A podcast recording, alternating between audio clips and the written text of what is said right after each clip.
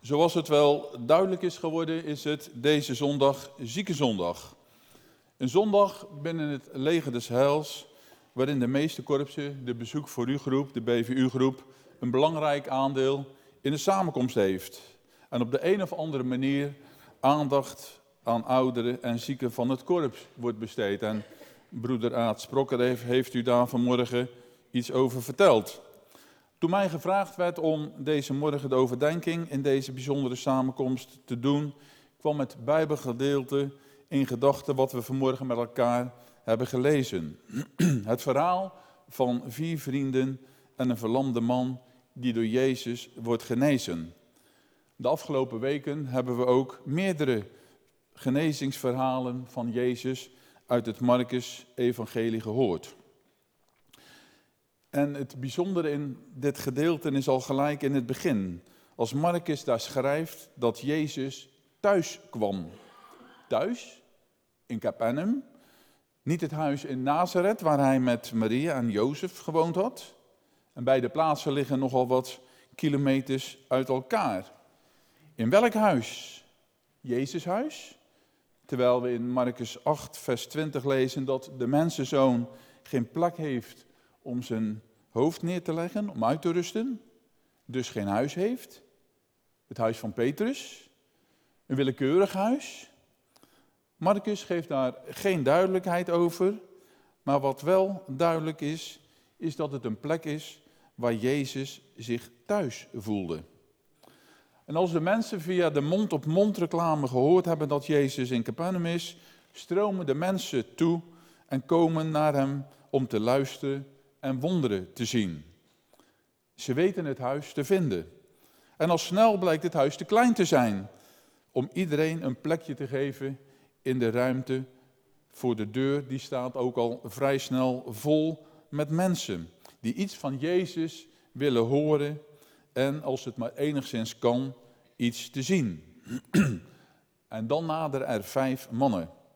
Eén is er verlamd en wordt door de andere vier gedragen op een soort hangmat, een slaapmat. Ze komen voor genezing naar Jezus, maar kunnen niet door de menigte heen komen. Wat een geluk dat wanneer je ziek of gehandicapt bent, één of meerdere vrienden hebt. In de nood leer je je vrienden pas kennen. De verlamde man in Capernaum was dan ook bepaald niet ongelukkig. Hij had vrienden die niet naar zijn ziekte keken, maar ook wat er binnenin hem zit. Zijn geest, zijn hart.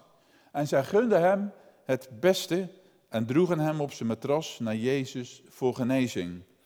En door het vertrouwen en de hulp van zijn vrienden is hij daar beland waar hij alleen nooit had kunnen komen.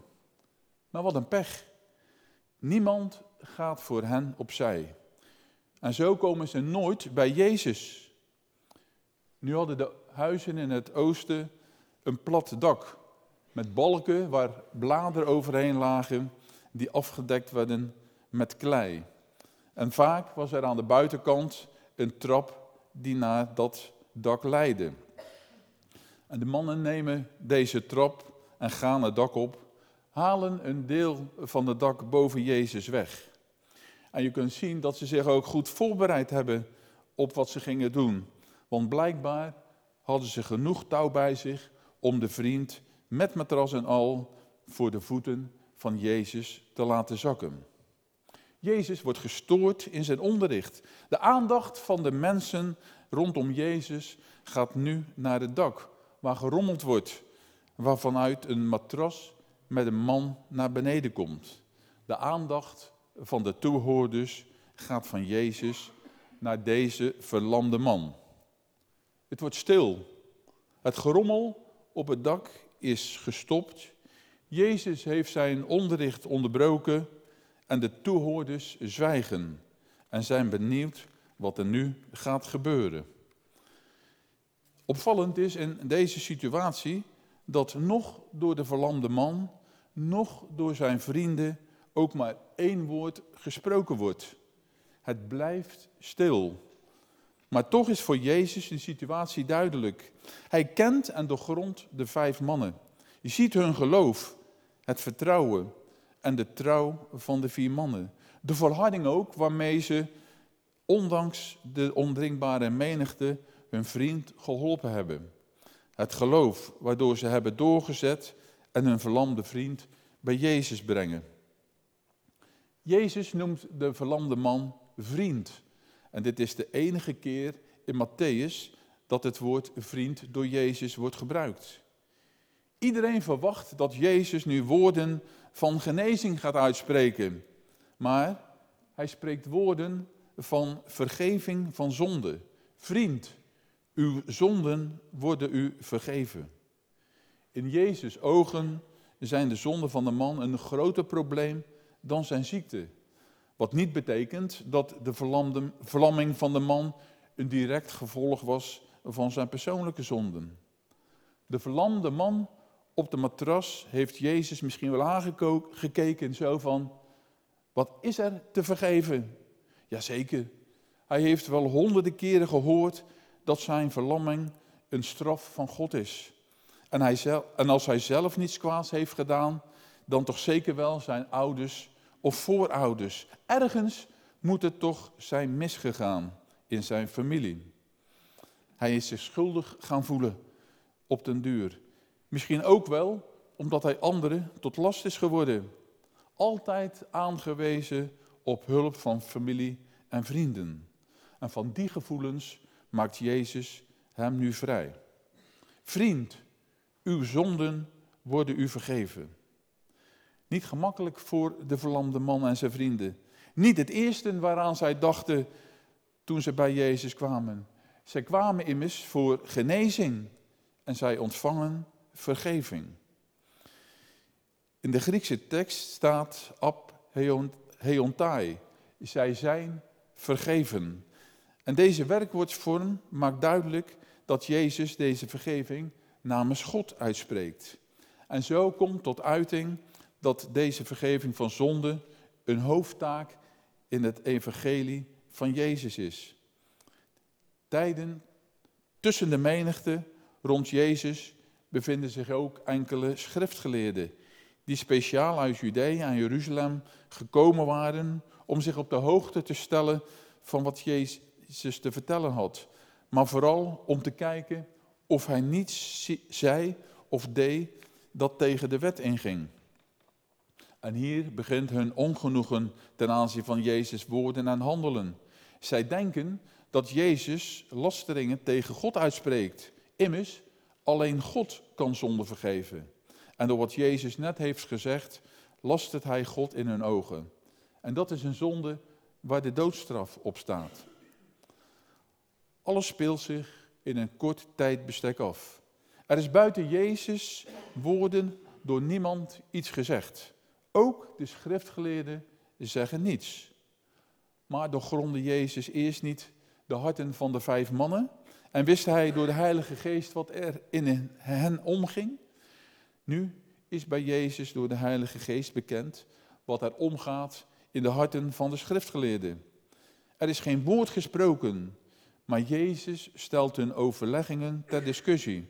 Hij confronteert hen ermee. Waarom denkt u zoiets?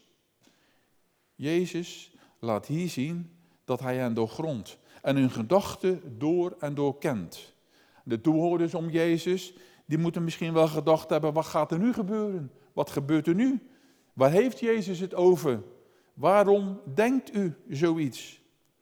Het kennen van iemands gedachten werd volgens de Joden gezien als een vervulling van de messiaanse profetie uit Jesaja 11, vers 2. En ik lees ook het eerste vers voor, zodat we weten waar het over gaat. En het is een bekend gedeelte uit de adventstijd.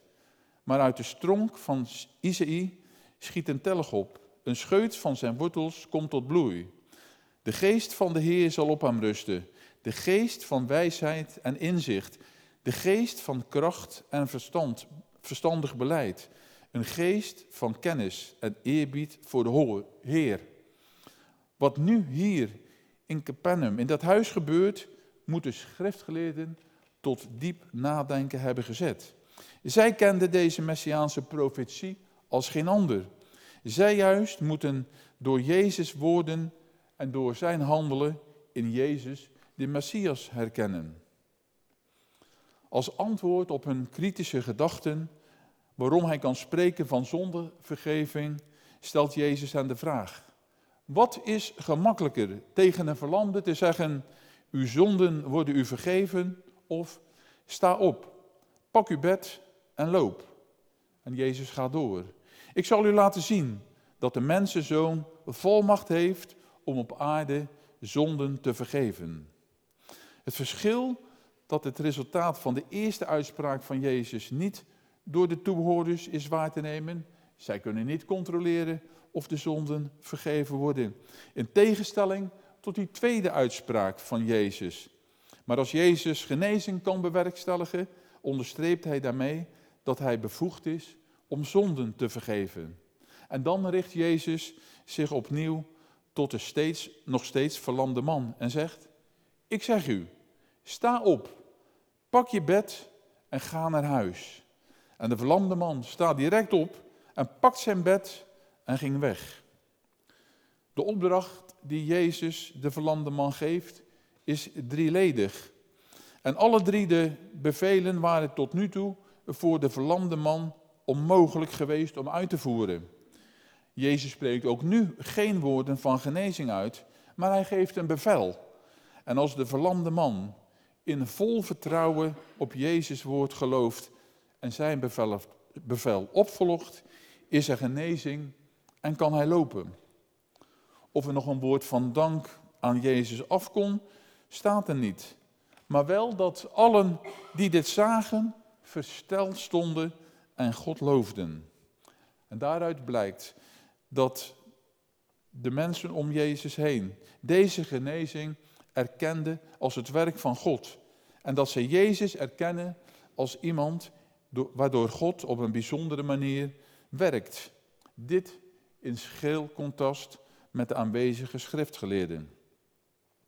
Jezus kijkt niet naar de kwalen of tekorten van de mensen. Iemand in een rolstoel is niet die lamme. Jezus ziet in ieder van hen een mens. De verlamde man is iemand, is een mens die niet kan lopen. Een mens die net als ieder ander behoefte heeft aan vriendschap, aan liefde, om niet buitengesloten te worden, maar opgenomen in de kring van mensen, deel van de gemeenschap. Iemand kan daar zelf ook invloed op uitoefenen, zelf initiatief nemen, zoals die verlamde man die er met ingeschakelde hulp van zijn vrienden in slaagt om bij Jezus te komen, omdat zij elkaars geloof versterkten dat Jezus hem zou kunnen helpen. Als je lichamelijk verlamd bent, dan heb je een probleem. Dan is dat te hopen dat je mensen om je heen hebt die je, waar nodig, een helpende hand uitsteken. Anders wordt het leven wel heel moeilijk voor je. Gelukkig heb je tegenwoordig allerlei hulpmiddelen in de vorm van rolstoelen, elektrische of gewone. Daardoor kunnen mensen met een verlamming toch wel veel van hun zelfstandigheid behouden. Maar een zo zorgende en helpende hand is op veel momenten toch noodzakelijk. Lichamelijke verlamming is en blijft altijd een grote handicap. Maar als je geestelijk verlamd bent, lam geslagen bent, dan is je probleem minstens even groot. En vaak nog veel en veel groter. En er zijn nogal wat mensen die niet meer vooruit kunnen. Die vastgelopen zijn als een schip op een zandbank. Of pijnlijk gebotst tegen een muur van tegenslagen en onbegrip. Je hebt nogal wat mensen die verlamd zijn door angst en onzekerheid. Ernstige ziekte. De dood van een dierbare kan verlammend werken. Deze mensen willen wel vooruit, maar missen de kracht om het ook te doen. Je hebt dan ook mensen die apathisch en lamlendig zijn. Misschien door omstandigheden, misschien door hun karakter. Niet in staat een vinger uit te steken om iets te veranderen in hun leven. Jezus spreekt woorden van vergeving. Die verlamde man uit het evangelie van Marcus had het geluk dat hij vrienden had die wat voor hem over hadden. Vrienden die zich niet lieten afschrikken door al die mensen rond Jezus, maar het dak opklommen en de verlamde man naar beneden lieten zakken. Zijn vrienden hadden zoveel vertrouwen in Jezus dat ze hem als het ware naar hem toesleepten, letterlijk en figuurlijk. Door hun hulp kreeg de verlamde een nieuwe kans op een zinvol leven, letterlijk, maar ook geestelijk. Wat hij op zijn geweten had, staat niet in de Bijbel. Maar als Jezus zegt, vriend, uw zonden worden u vergeven, dan gaat dat duidelijk om die geestelijke verlamming. Daar werd hij van bevrijd. En daarom kon hij weer vooruit in zijn leven. Dat werd nog eens extra onderstreept door de woorden: sta op, pak je bed en loop. Dat kun je niet alleen letterlijk verstaan, maar het heeft ook symbolische betekenis. Sta op, met andere woorden, maak je los van je verleden. Kom weer in beweging. Pak je bed, het symbool van je verlamming. Pak het op en draag het. Neem het heft weer in eigen handen. En loop. Kom in beweging en ga weer zinvolle dingen met je leven doen. Wonderen kunnen wij niet doen. Wij kunnen geen lammen laten lopen en blinden weer laten horen, blinden weer laten zien en doven weer laten horen. Maar we kunnen wel, juist als die vier vrienden van die verlanden, een helpende hand bieden aan mensen in onze omgeving die in de put zitten, die op eigen kracht niet meer verder kunnen, die uit hun evenwicht geslagen zijn door wat hun is overkomen, door ziekte of de dood van een dierbare, door teleurstellingen. Heel belangrijk is natuurlijk wel dat diegene die lam geslagen is, die in de put zit, die geen toekomst ziet voor zichzelf, zich ook laat helpen door mensen in zijn of haar omgeving. En dat kon, kan soms heel veel van iemand vragen. Maar wie zich niet laat helpen, komt nooit meer op de been, komt nooit meer vooruit. Het is ziekenzondag en BVU heeft de leiding van deze samenkomst. Het BVU-werk dat oorspronkelijk bedoeld is als hand- en spandiensten. En Plony heeft daar iets over verteld. Te verzorgen bij zieken en ouderen. En iedereen die hulp nodig heeft. Om eens in de zoveel tijd een bezoekje af te leggen bij een zieke. Of een boodschap te doen voor een oudere. Of de cd van deze samenkomst rond te brengen bij hen die de samenkomst niet meer kunnen bezoeken. Of met iemand mee te gaan naar de dokter in het ziekenhuis als er geen directe familie is die dat kan. Allemaal belangrijke dingen. Allemaal dingen waar we zelf, wat we zelf kunnen doen. En naast de zangdiensten van de BVU, die we verzorgen in de diverse huizen, willen we ook juist meer aandacht geven aan deze activiteiten. En willen we de helpende hand voor de ander zijn, zoals de vier vrienden de helpende hand voor de verlamde man waren. En als u hier meer over wilt weten, praat dan eens met broeder Aad Sprokkerheef. Vier mannen dragen een verlamde vriend. Hier gebeurt het letterlijk. Ze zijn bereid iets voor hem te doen, ook al valt het niet mee. Maar als je iets van harte doet, wordt de last licht. Mensen kunnen elkaar ook letterlijk, ook figuurlijk in dragen.